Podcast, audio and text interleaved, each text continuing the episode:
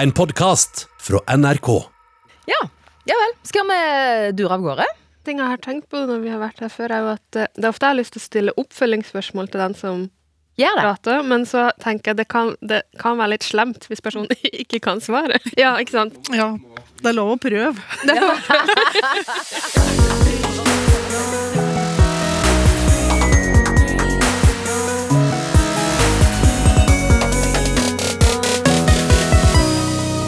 Når, hvor og kanskje ikke minst hvordan ble egentlig norsk skapt? Er inkjekjønnets endelikt endelikt her? Hva farsken? Så skal det gå samme veien med agusken? Nei, beklager, men ja, du forstår snart. Hva kommer korsporalen til å si om det? Mm. Og hører du skilnad på traktorgraver og traktorgraver? Ikke det, nei.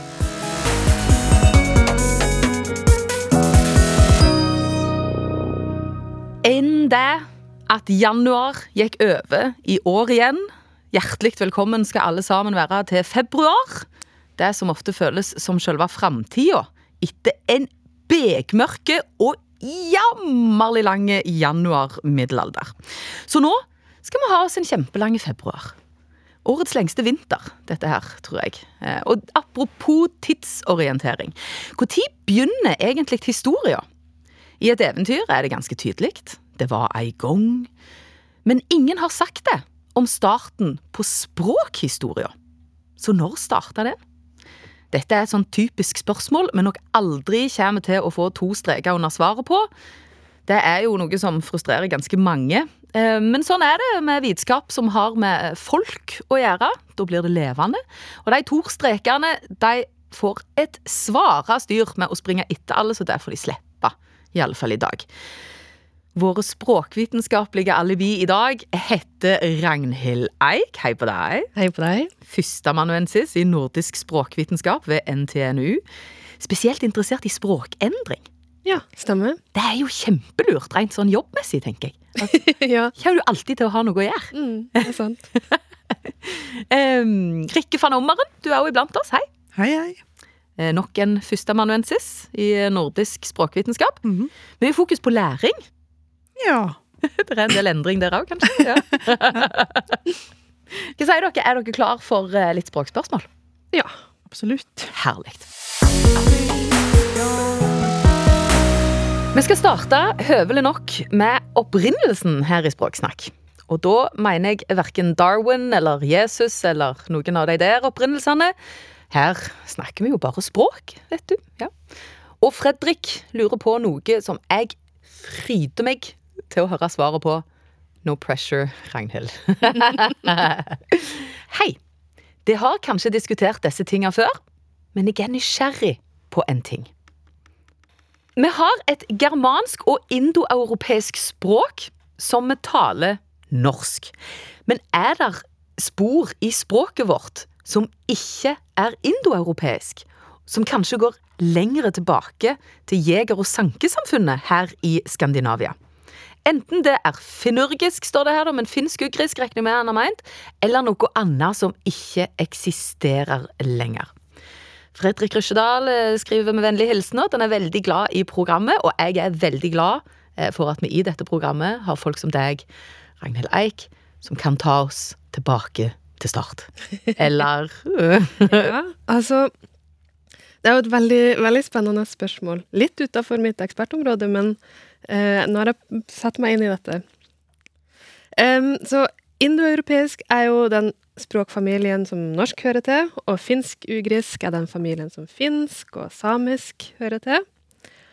Og så er spørsmålet fantes det noe før dette som vi fremdeles har spor av? Ja. Eh, og svaret er kanskje ja. Det gjør det kanskje. Eh, for det har jo bodd folk i Skandinavia og ellers i Europa i veldig lang tid før indoeuropeiske og finsk-ugriske språk i det hele tatt oppsto. Eh, Ur-indoeuropeisk, eh, det hypotetiske, opphavlige indoeuropeiske språket, det blir gjerne antatt å ha oppstått rundt 4000 før vår tidsregning, og langt unna Norge. Så åssen snakka mennesker som bodde i Skandinavia før indoeuropeisk og finsk-ugrisk? Da snakker man gjerne om det som blir kalt paleoeuropeisk, eller neolittisk. Eh, altså det, de språkene, eller det språket som eksisterte før, og også delvis samtidig som dagens språkfamilie. språkfamilier. Og så har vi jo ikke noe skriftlig materiale fra så langt tilbake. Eh, og disse språkene, eller språket, er jo dødd ut, så det er nesten helt umulig å si noe som helst om dette, og vi vet nesten ingenting. Men det kan finnes spor i noen eldre lånord og stedsnavn. Å, kult! Ja. Og det her er, da har måttet gå til forskningslitteraturen eh, og sett at det er en forsker ved Universitetet i Leiden eh, som har foreslått at ordene geit, ert, nøtt og bønne kan være lånt inn i indoeuropeisk fra det paleoeuropeiske språket. Det var herlig sånn spesifikke ord. Ja. Grunnen til at det er akkurat disse ordene som er foreslått, er at hvis man, man prøver å liksom spore historier til disse ordene, prøve å spore de tilbake gjennom alle lydendringer man antar at har skjedd gjennom historien, så ser man at disse ikke nødvendigvis passer inn i resten av det proto-indoeuropeiske systemet. De har rett og slett en uklar etymologi, et uklart opphav som ikke passer inn eh, ellers. Og derfor så er det foreslått at kanskje de er lånt inn. Ja. Og det er derfor de har dette uklare opphavet. Em, de er ikke spesifikt lånt inn i skandinavisk. Dette er ord som, um, som vi finner igjen i andre språk, men altså lånt inn i da, indoeuropeisk, og så kan vi finne de igjen flere steder. Uh, og litt på lignende vis så ser vi i samisk eksempel på en del ord som handler om tradisjonelle planter og dyreliv, som har uklar etymologi, og som man tror kan ha blitt lånt inn i da ursamisk fra et nå eh, utdødd språk som eksisterte før de samiske språkene. Eh, og i eksempel en del nordsamiske navn på fjell, som slutter på irr, så er det en forsker, Ante Aikio, som har kobla dette til at det kan være lån fra et utdødd språk eh, før de samiske språkene. Eh, og så Når vi snakker om eh, språkhistorie på denne måten, så er det viktig å ikke blande sammen historier til menneskene og historier til språkene.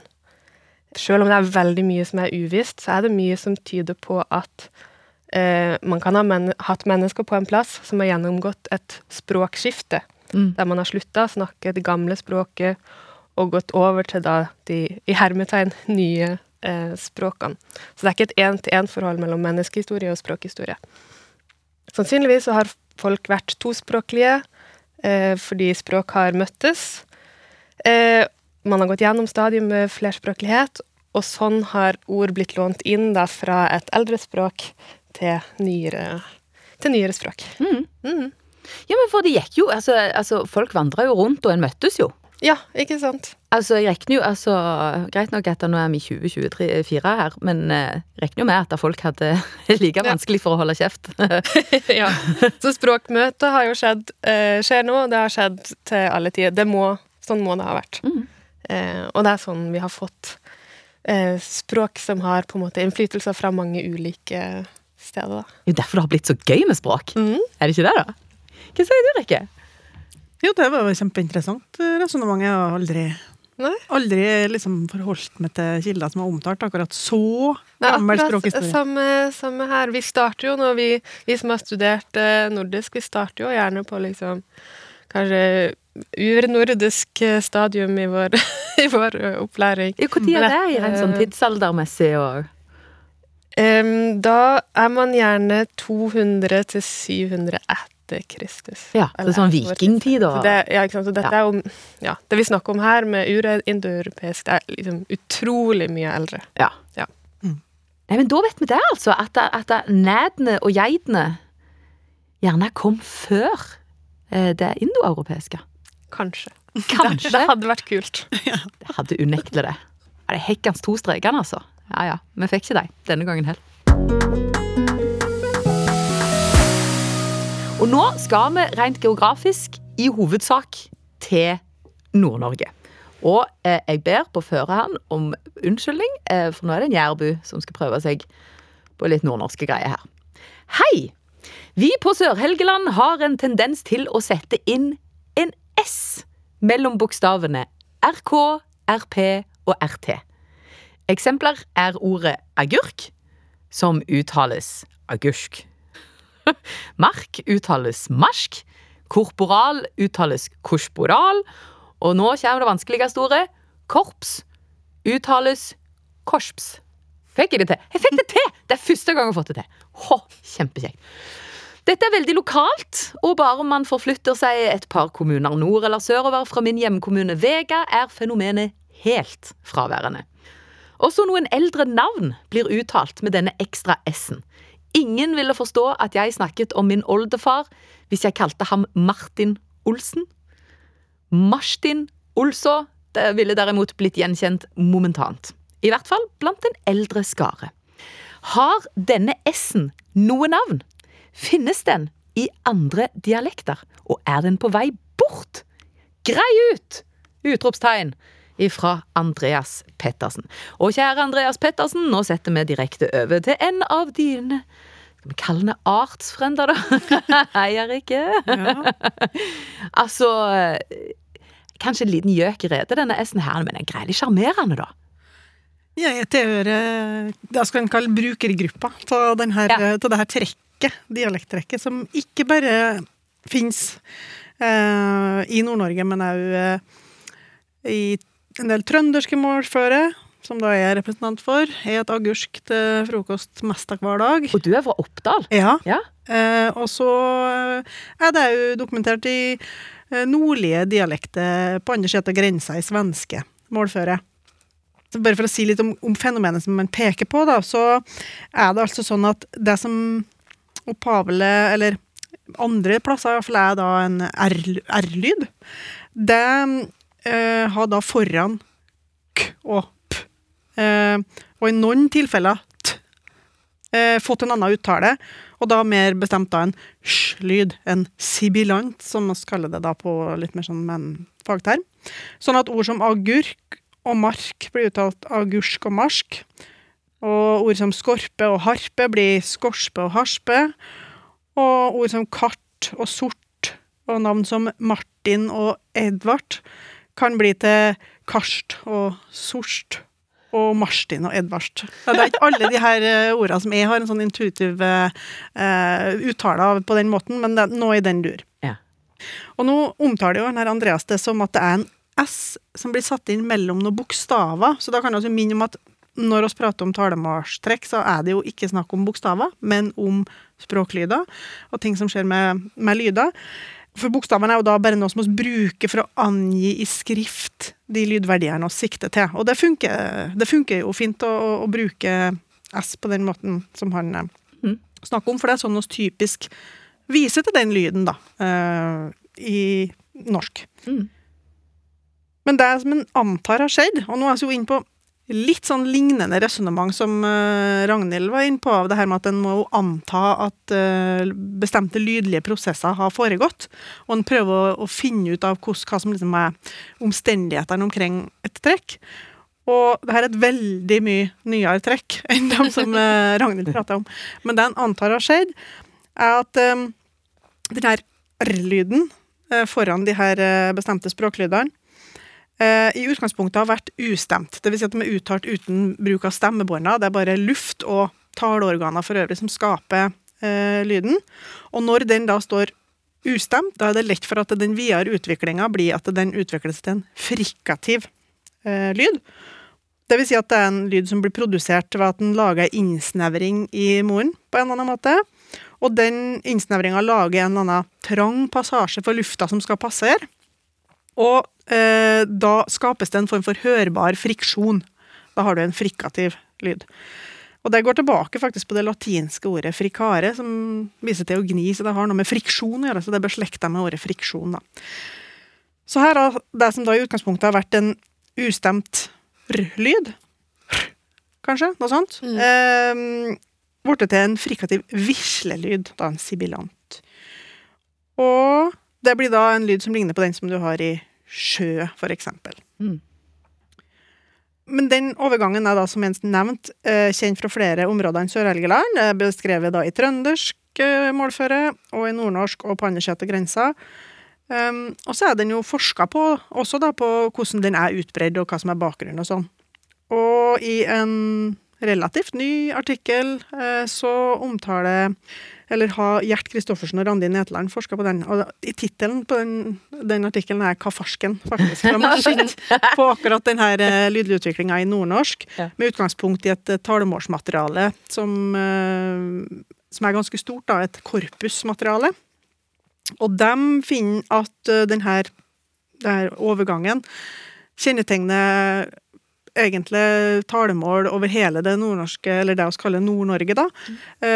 Men det er ikke alle plasser det finnes, så det varierer en del geografisk. sånn at det kan stemme det som lytteren sier, da, at eh, omkring der han kjenner til det, så er det noen områder som ikke har det. Mm. Og det varierer også mellom individ.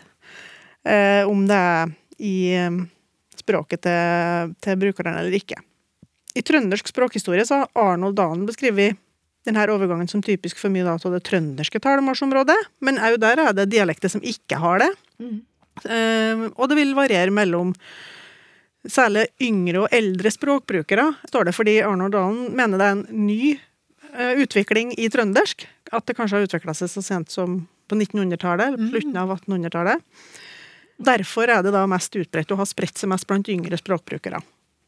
Og jeg er jo da veldig ung, sånn at jeg har det i mitt uh, talemål. Kanskje litt i variasjon med, med, med varianter der jeg ikke har, uh, har det trekket, da.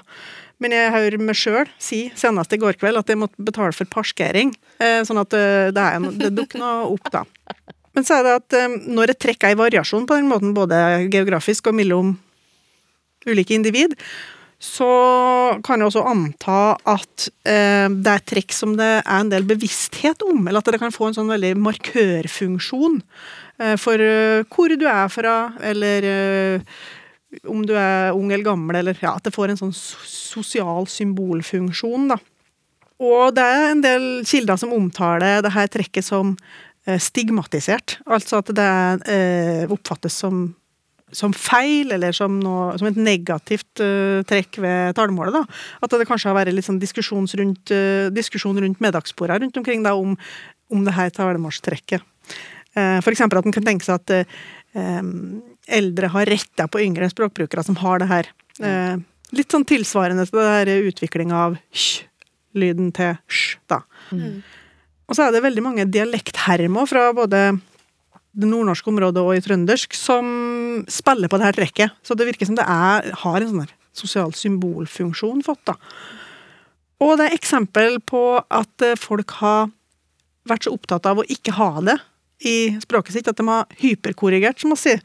Det vil si at du korrigerer noe som i utgangspunktet er rett, sånn at det ender opp som feil, bare for at du er opptatt av at skal, du skal unngå f.eks. denne språklyden. da. Jeg tror det er Kristoffersen og Neteland sin artikkel så gjengis en historie om ei mor som skal ha korrigert eh, ungen sin og ment at det heter tork og ikke torsk. Det er et eksempel på hyperkorreksjon, da. Ja, men for nå når du har så snakket, da har jeg hørt voldig, voldig ekstra godt etter, og liksom hver gang så sa du norsk, for eksempel. Og jeg, jo der sa hun det igjen! Og så er det jo, det er jo en S i norsk, så det skal jo være der. Ja, og den reflekterer jo nettopp andre eh, opphav, da, eller opphav i andre lydlige forhold. sånn at det er jo i noen eh, ord at, eh, at en vil ha det også i andre målføre. Men den er mer sånn særlig for nordnorsk og trøndersk, da, den her utviklinga av eh, f.eks. agurk til agursk, da. Men så spør han om trekket er på vei ut. Og det er det vel en del som tilsier, da, særlig i området der den har eh, har liksom vært litt sånn stigmatisert. Samtidig så peker det i det trønderske området på at det, yngre, at det sprer seg blant yngre språkbrukere. Sånn at eh, ja, det, det kan en jo si peker litt i en annen retning igjen, da. Men det som er sikkert, er at i den grad det har lav status, så stiller det jo svakt. Eh, sånn med tanke på framtida. Men så vet vi også at det trekk som setter seg som identitetsmarkører i grupper eller i områder, de vil jo typisk være ganske gjenstridig over tid eh, i språkendringsprosesser.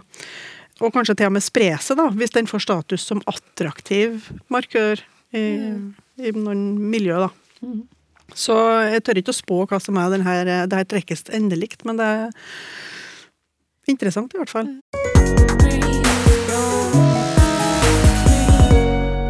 Sist uke hadde vi besøk av eh, Leif Inge Aa, som tok for seg et dialektalt spørsmål fra Fosen. Det gjaldt ordene tukken og vølene. Leif Inge mente at dette handla om fiske, at det kunne ha noe med gjelle å gjøre. Nå har folket talt, og det kan tale ennå om du bare går inn og sender en melding til snakk.krøllalfa.nrk.no, så fikk jeg sagt det òg. Her har vi da noen meldinger for f.eks. Berit Klæbo. Hun sier hei. Hørte på Språksnakk 6. februar forklaring på ordet vøle som et ord som tilhører fiske og sjø. I Stryn kunne vi si for eksempel det var ei vøle med folk på setra i dag. I tydinga veldig mange folk. Har dere hørt den tydinga? Jeg har ikke hørt den, eh, Berit Klæbo. Har dere hørt den? Har dere hørt vøle og tokken i det hele tatt? Tokken så mye Ja, så mye gjelder, liksom.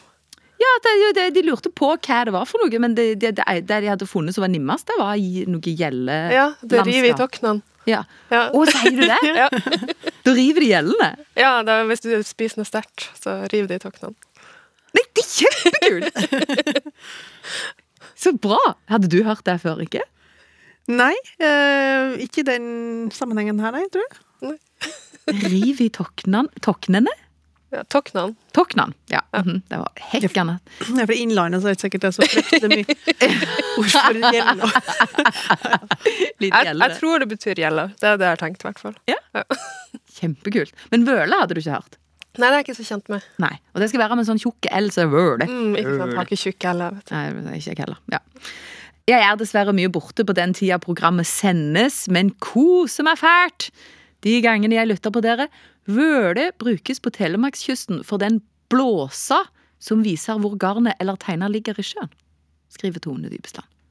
Og så hadde vi òg en liten runde eh, med roadkill sist gang eh, vi var samla herrene. Altså ikke at vi hadde det til middag på Roadkill kafé. Mattilsynet har vel litt andre tanker om sånn ei slakt enn det de har i Uniten. Men sammen med Anne Dahl så prøvde vi å komme fram til et alternativ da, til roadkill. Hei, hørte innslaget om roadkill. I viltforvaltningen har man et godt uttrykk som heter fallvilt. Det omfatter også selvdøde dyr. Men hva med fallvilt i trafikken? Trafikkfallvilt som benevnelse på dette fenomenet. Det var med vennlig hilsen en lytter i Askim. Og så har vi òg Jonas her som eh, sier hei. Hører dere snakker om roadkill. For 18 år siden hadde broren min en utstilling og trengte et norsk ord for roadkill. Vi kom fram til veikadaver. Noe vi fremdeles bruker.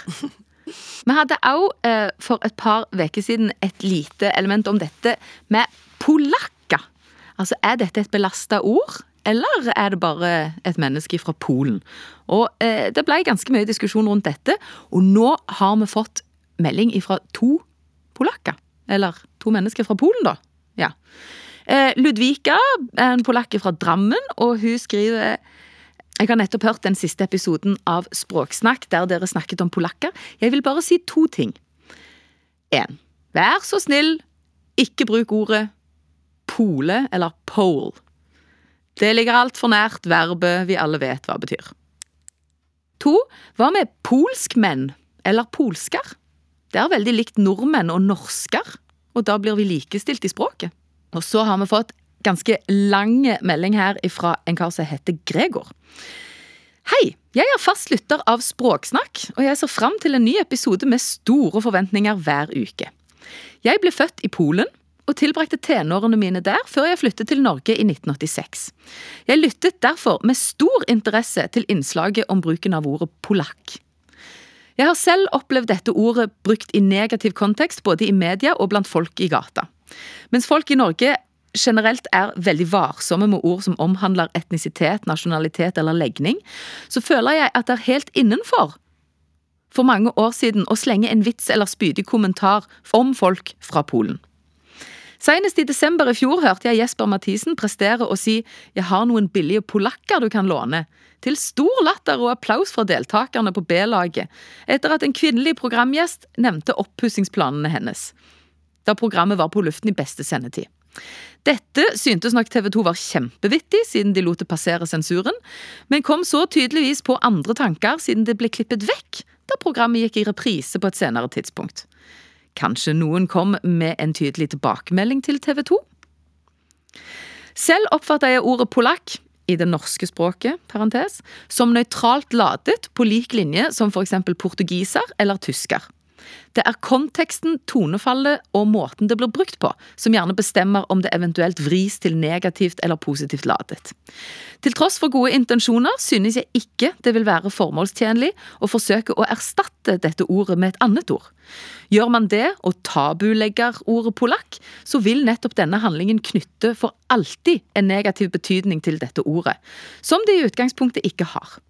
Jeg drista meg til å trekke en parallell til et annet ord, på 30- og 40-tallet var ordet jøde et negativt ladet ord for mange.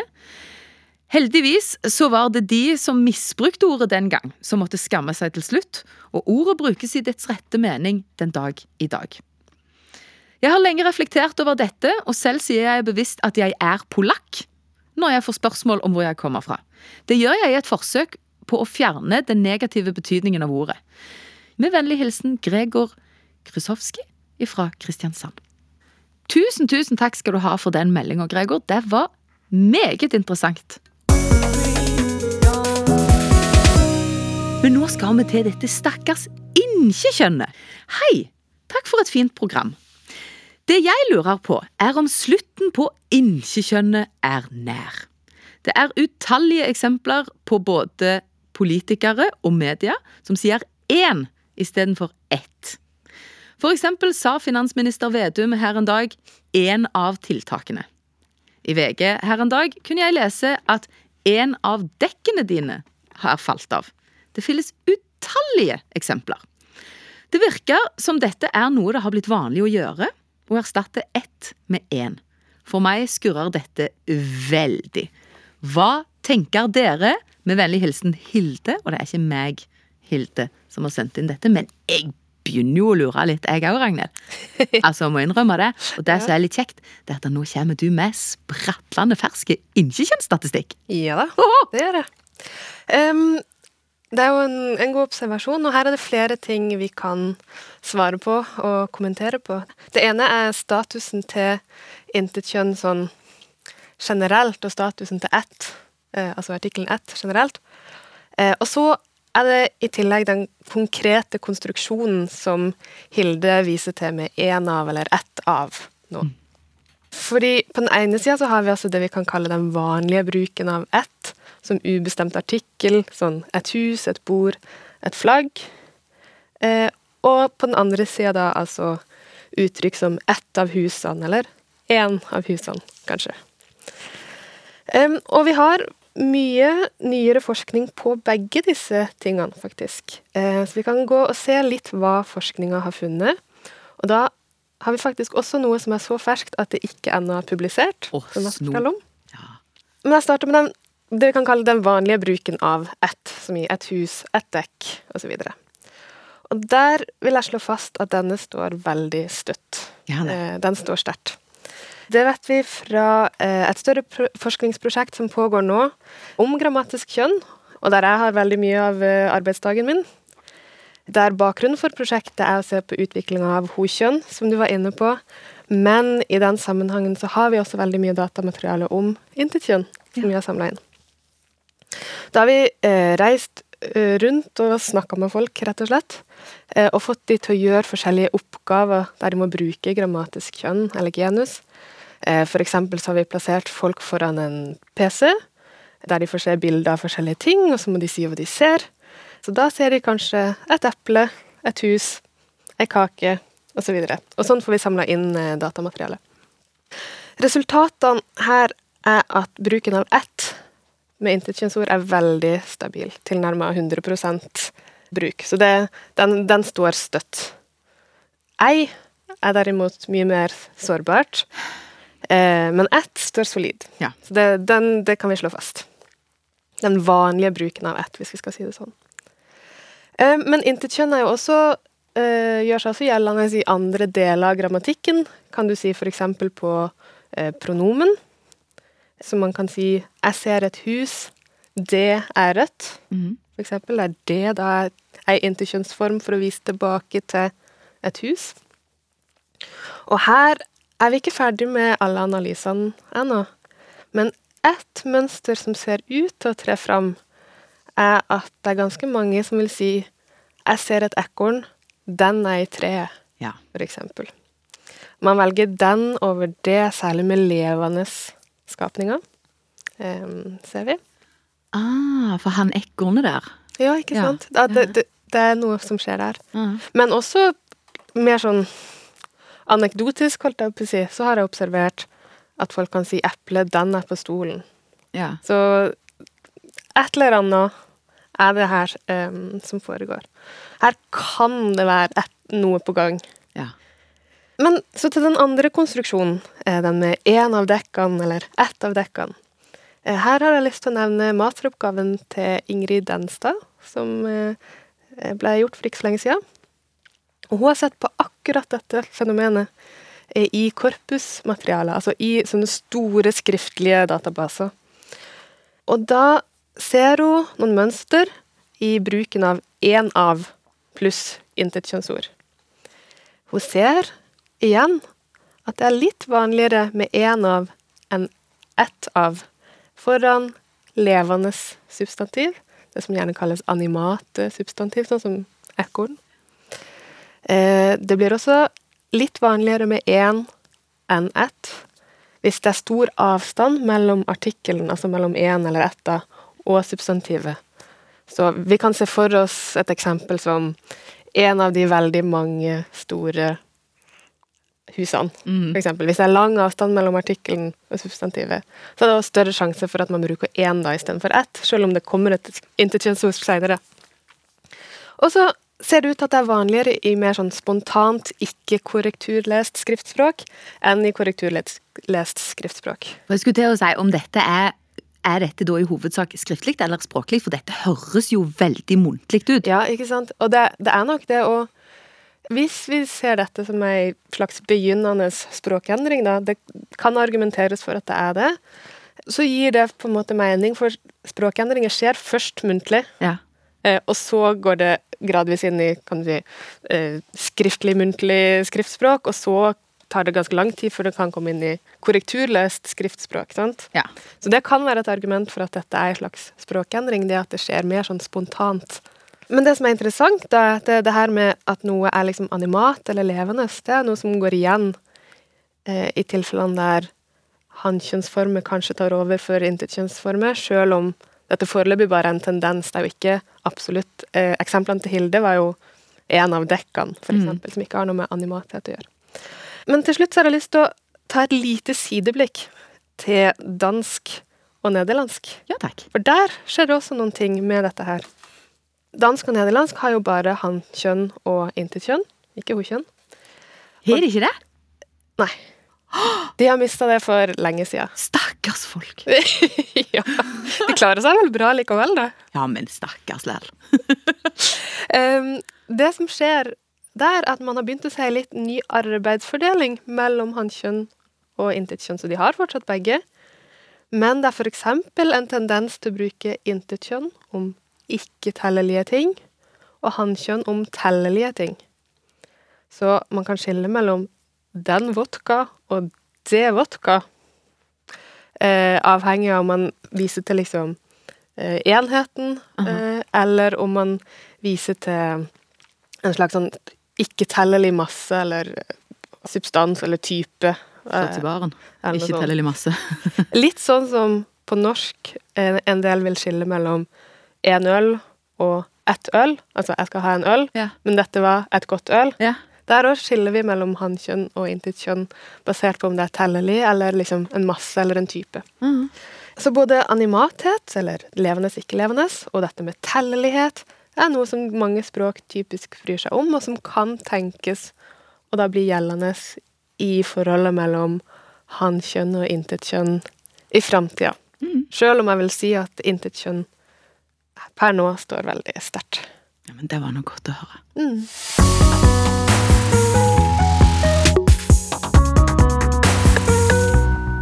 Fra inkjekjønnet så skal vi innom ja, altså, enda et ord som kanskje for enkelte har fått et litt dårlig omdømme.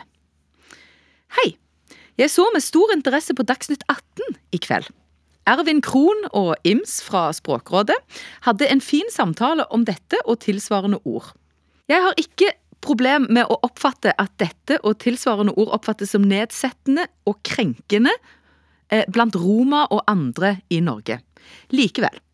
Min for lengst avdøde far, født i 1909, brukte konsekvent, så lenge jeg kan huske, ordet småfant som synonymt med unger om alle barn, inkludert han selv, søsken, skolekamerater og venner.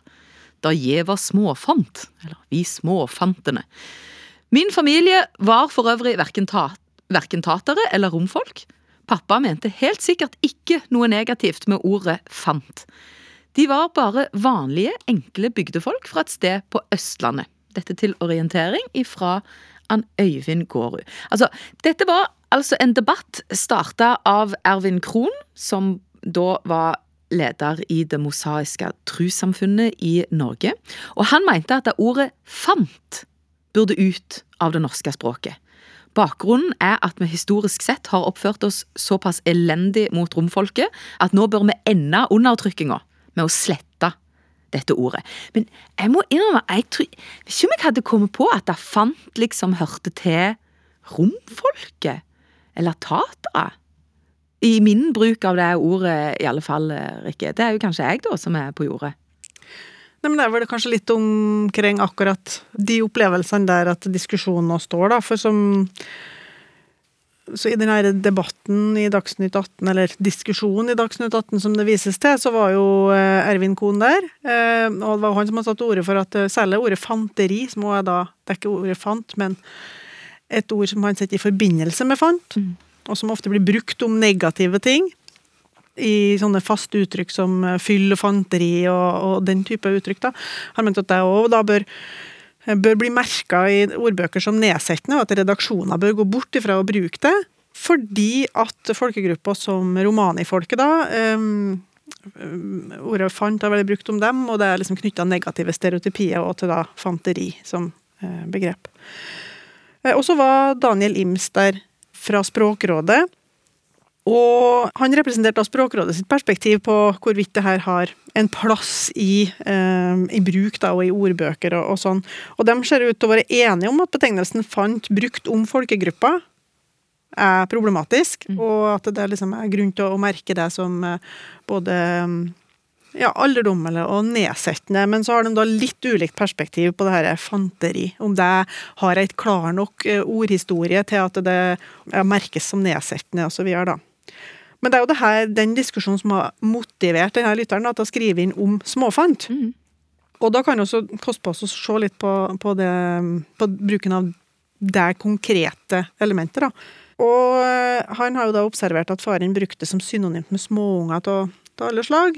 Og det er nok ikke denne lytteren for seg sjøl om å ha observert, da, ut ifra det som eh, står oppført om ordet i, eh, i ordbøk.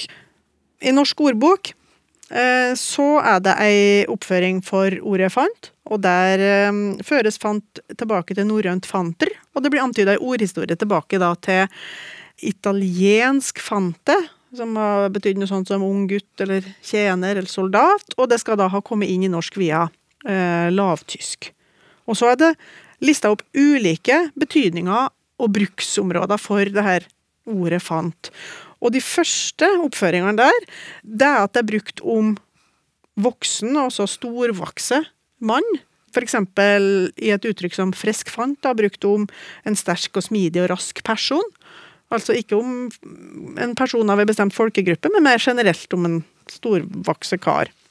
Og så Neste oppføring har nesten helt motsatt betydning, eh, og det er da brukt om ung gutt, eller generelt om et lite menneske. Og det er jo den bruken av fant som eh, innsenderen vitner om, da.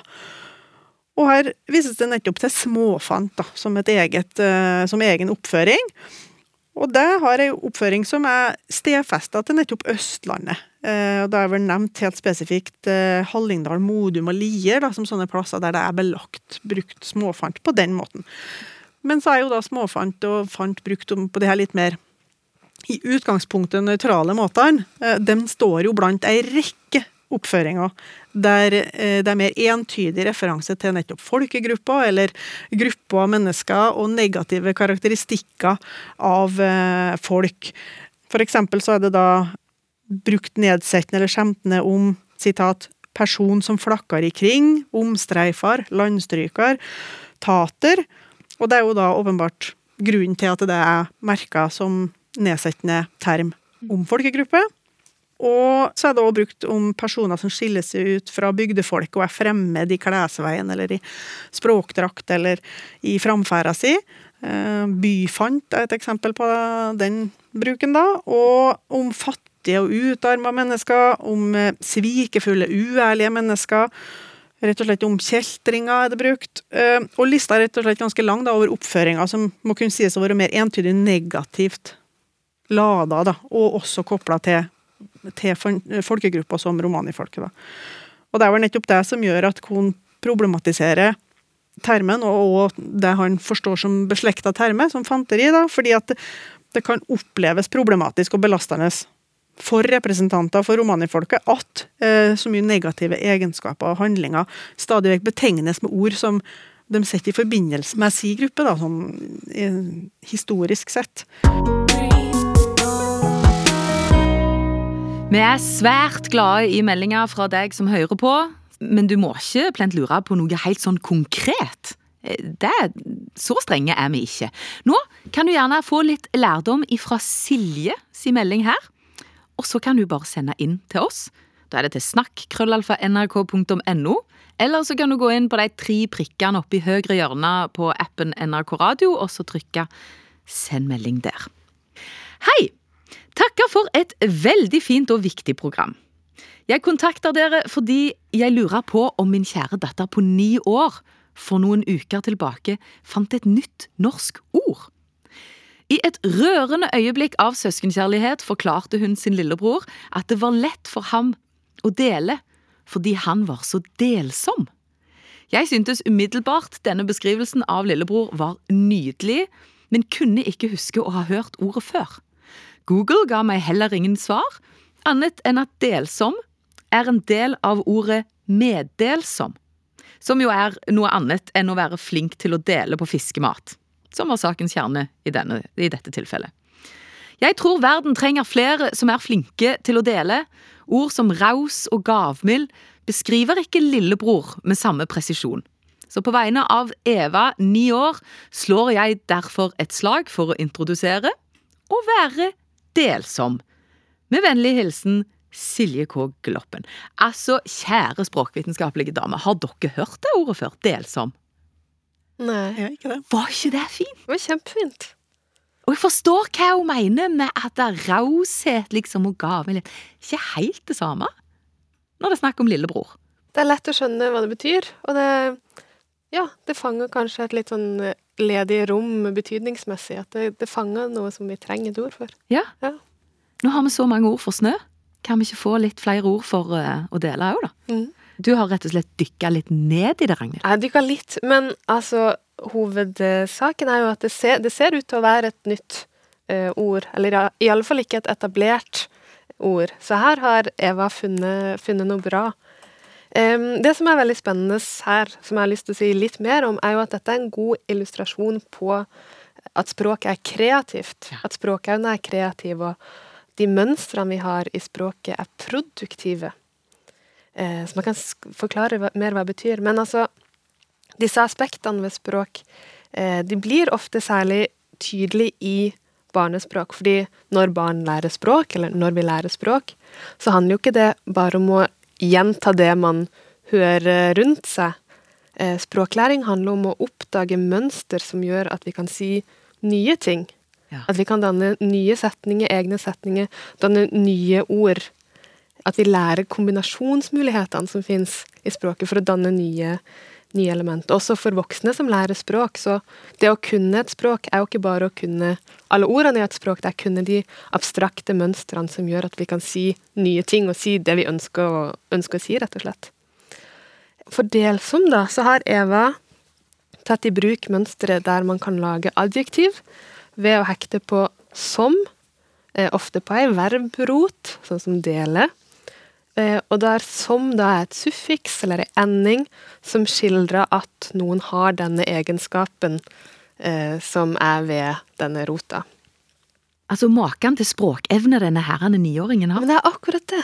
Og det er jo ingen som har sagt sånn Nå skal jeg fortelle deg at uh, måten vi lager, lager adjektiv på, det er å sette på sånn, sant? Suffikset sånn. Eh, ja? Det er noe man bare oppdager helt av seg sjøl.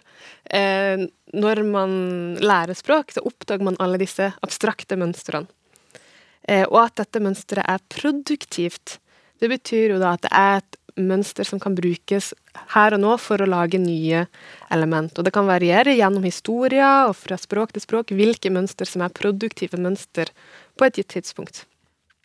Eh, men språkene er fulle av sånne produktive mønster, både for orddanning eh, og setningsdanning osv., som er det som gjør at språket faktisk fungerer eh, til, så godt til kommunikasjon. Og det som er fint med delsom, er jo at det er intuitivt så lett å forstå hva det betyr, og grunnen til at vi i det hele tatt kan forstå hva det betyr, er at vi også har avdekket det samme mønsteret? Ja, ja. for åssen eh, disse tingene bygges opp. Og disse mønstrene, eller abstrakte mønstrene som jeg snakker om her, eh, som vi da har felles, og som man oppdager når man lærer språk, det er jo det vi kaller grammatikk. Ja. Ja. Ja, ja, ja. Eh, og det er dette jeg som grammatiker mener når jeg snakker om grammatikk. Det er sånne intuitive, abstrakte mønster som vi bruker helt eh, av oss sjøl. Og mye av det man gjør som grammatiker, er å prøve å avdekke de mønstrene som både barn og voksne kan helt av seg sjøl, eh, men som vi ikke har oppdaga eksplisitt ennå, klart å liksom peke på og skrive ned Ja. på mange måter. Så grammatikken, den bor i hodene til folk, ikke først og fremst i bøker eller i rettskrivinga eller noe sånt. Og grammatikken kommer spesielt godt til syne i barnespråk og i sånne ord som delsom, eh, som er et ord jeg tenker jeg kommer til å ta i bruk. Det er et veldig fint ord. Nå skal vi til en liten, men tidvis litt kranglevoren krabat. Han er innpåsliten òg, sjø.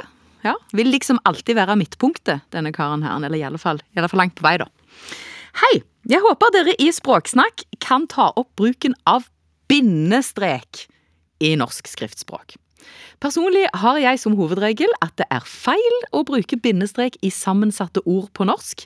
Jeg skriver altså konkurranseidrett rett fram, uten bindestrek. Likeså traktorgraver i ett ord, ikke traktor, bindestrek, graver. I retteprogrammet på PC-en min får jeg rød strek under begge disse eksemplene. Antakelig for eh, rette, fordi retteprogrammet legger engelsk språknorm til grunn, eller? Så til mitt konkrete spørsmål. Hvorfor skal ikke-binær skrives med bindestrek istedenfor ikke-binær uten bindestrek? Jeg venter i spenning på Språksnakks klargjørende virksomhet. Beste hilsen Pål Mathisen, som er en språkinteressert osloenser. Altså denne bindestreken. Hvor blir han av, og hvorfor kommer han, og ja. Altså, Pål har jo absolutt rett i sin hovedregel. Vi skriver som hovedregel sammensatte ord i ett, uten noe mellomrom og uten bindestrek. Så hustak skriver vi H-U-S-T-A-K uten noe bindestrek eller mellomrom, eller hint om at det egentlig opphavlig består av to ord. Em, for å ta det litt med retteprogram først, så er jo denne regelen for norsk noe som retteprogrammene tradisjonelt har slitt mye med. Mm. Men det kan hende at Pål sitt retteprogram er litt gammelt, for mitt retteprogram godtar både konkurranseidrett eh, og traktorgraver.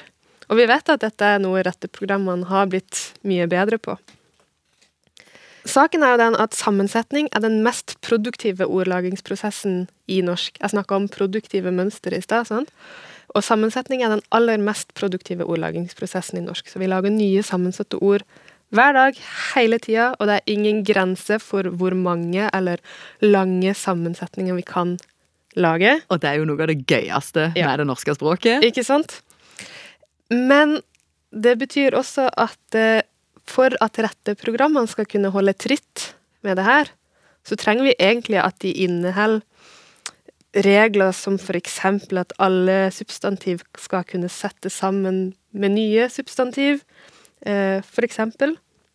Det vil ikke være tilstrekkelig å ha et retteprogram som bare godtar sammensetninger som står i ei slags eh, sånn forhåndsdefinert ordliste. Eh? Så vi trenger egentlig retteprogram som opererer med de samme abstrakte mønstrene, språkreglene, som vi mennesker gjør. Eh, og det nærmer seg, men, men vi er ikke helt mål, i mål ennå, så det er fremdeles ting som retteprogrammene gjør feil på dette eh, området. Jeg prøvde eksempel å lage noen nye ord for å teste programmet mitt. da. Eh, ullbil går helt fint. Bilull går ikke fint. Jeg vet ikke hvorfor. Bilsokk, bilunge, helt greit. Bilsokkunge, helt greit. Unge bilsokk, ikke greit. Så hva som egentlig er mønsteret her, eh, det vet jeg ikke. Jeg skulle gjerne visst åssen dette er lagt inn, eh, nøyaktig åssen man går fram i retteprogram eh, på det her. Og det er det jo garantert noen som vet, så da må de gjerne si fra om åssen dette egentlig eh, er programmert. Så regelen er i alle fall ingen bindestrek. Ja. Men hvorfor da ikke binær? Ja. Det er jo ganske mange unntak til denne regelen om at vi ikke har bindestrek. Eh, For eksempel så bruker vi bindestrek etter forkortelser. Så EU-debatt eller e-post, altså når forleddet er en forkortelse. Eller når vi har andre litt sånn uvanlige forledd som stikker seg litt mer ut, sånn som kanskje ikke, da, i ikke-røyker. Mm. Jeg tror også hvis jeg skulle skrive en kanskje-røyker, så hadde jeg antageligvis brukt en bindestrek strek der. Ja. Um, og du tenker Jeg- kanskje det samme. ja, jeg tror det. Så i alle fall så ser det ut som at de som normerer eh, skriftspråket, har lagt seg på ei linje der ikke følges av en bindestrek når det settes sammen med et annet ord. Det som er interessant, er at så vidt jeg kan se, så når vi har tre ords sammensetninger, så blir bindestreken borte. Så det heter ikke-vold med bindestrek, men ikke-voldsprinsipp uten bindestrek. Det heter ikke-innblanding med bindestrek, men ikke-innblandingspolitikk uten bindestrek. Snedig. Ja. Og uten at jeg vet den nøyaktige grunnen til dette, så vil jeg jo tro at det handler om den flertydigheten som ligger i tre ords sammensetninger. Fordi når du har tre ledd i en sammensetning, så kan du jo tenke at det er for ikke-voldsprinsipp enten ikke pluss voldsprinsipp, eller det kan være ikke-vold pluss prinsipp. Ja. Sant? Og hvis vi nå skiller ut ikke med bindestrek, så ser det ut som at tolkninga er ikke voldsprinsipp, altså at du negerer voldsprinsippet istedenfor å si at det er prinsipp for ikke-vold. Så jeg vil tro at det er derfor man har tatt bort bindestreken i sånne tilfeller. Ja. Men resultatet blir jo da at det framstår som ganske arbitrært. Altså noen ganger følges ikke av bindestrek, noen ganger ikke. Eh, så sjøl tenker jeg vel at da kunne man like godt skrevet ikke-binær også, Mm. uten bindestrek. Og hvis man føler seg litt i det rebelske hjørnet, så kan man jo da kanskje ta seg friheten og skrive det uten bindestrek. er altså ikke bare eh, vår kjære venn Pål her som er eh, litt forvirra. Nei. Nei, Og med god grunn, får vi si. Det var noe godt å høre. Vi har eh, ett lite spørsmål igjen herrene, og det kommer fra arbeidslivet, som vi jo vet at det kan bjuda på så mangt. Nå skal vi til en kar som tar sin rolle som folkevalgt på ekte alvor. Hei! I mitt virke som folkevalgt har jeg kommet over et sjeldent ord. I alle fall i min innebygde ordbok. Det ordet er opphjelp. Det er brukt i sammenheng med tildeling av midler til røkt av fiske, vilt og friluftsliv fra et fond hvor lokale elvekraftverk betaler inn en årlig sum. Jeg har ikke problemer med å forstå hva som menes med ordet. Det ville vært grunnlag for politikerforakt hvis en tok seg til å behandle saker uten å forstå saksinnholdet, ville det ikke. Det var en liten parentes. Men er det et reelt ord i vanlig bruk? Eller er det konstruert av en saksbehandler en gang og gjenbrukt i samme sammenheng deretter, uten at det noen gang er korrigert? Jeg finner bruk av ordet i samme typer saker i flere kommuner, men bare i denne smale bruken. Kan Språksnakk oppklare om ordet er til alminnelig bruk? I alle sammenhenger der det er snakk om å yte hjelp eller støtte?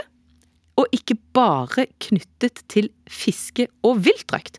Takk for hjelpen fra Terje Navjord Jensen fra Kongsberg. Rikke, er dette her noe de kun bruker i uh, røkting av uh, vilt og fisk? Det ser ut til å være et ord som har uh, ganske Altså det blir brukt i veldig avgrensa sammenhenger, sånn som det er nå. Men han spør om det er et reelt ord, og svaret på det er jo ja, det er et reelt ord. Det blir jo brukt, av ergo så er det en slags bevissthet eh, om eh, hva det brukes om. Så da er det jo et eh, reelt ord, men så er spørsmålet hvor vanlig det er, da. Og det er jo sett litt på. Og jeg får litt det samme inntrykket som lytteren har, ut ifra de sonderingene som han har gjort.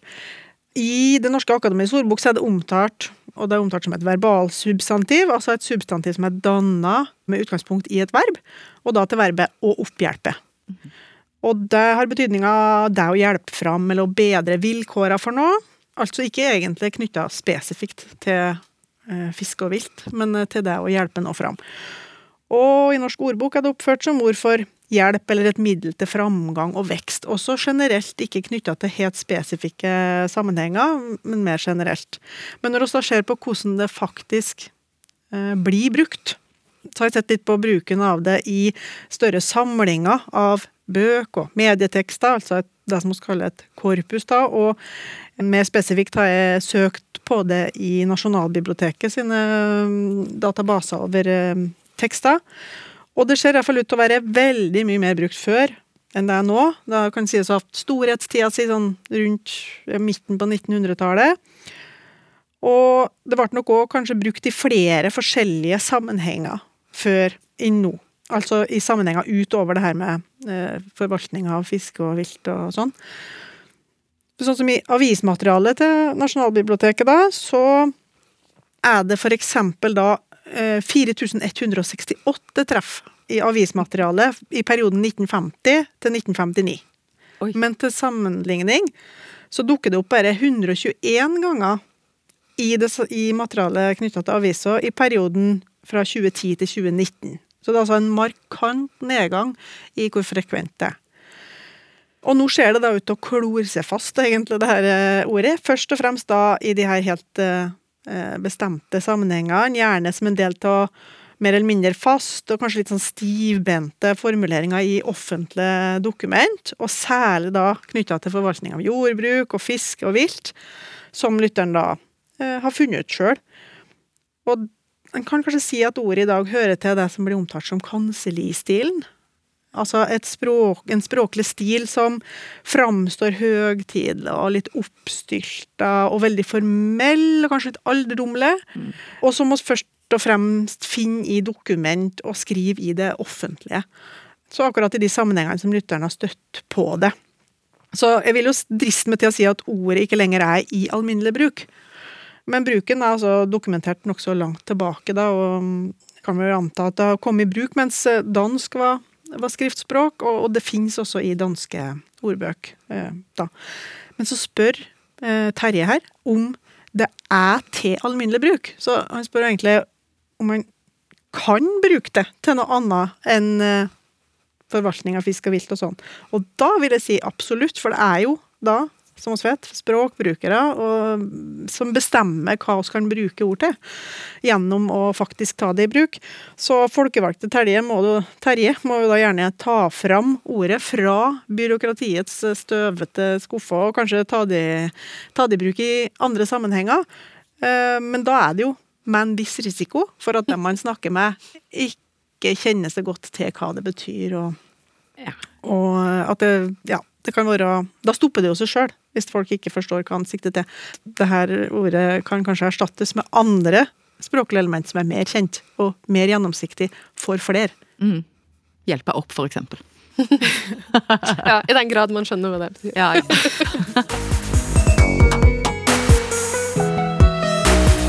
Og det var det vi rakk i Språksnakk for i dag. Eh, produsent har vært Jørgen Aune Hagen. Tekniker var Martin Våge. Vi takker våre eminente språkforskere Ragnhild Eik og Rikke van Ommeren.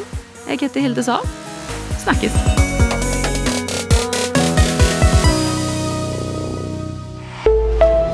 En podkast fra NRK.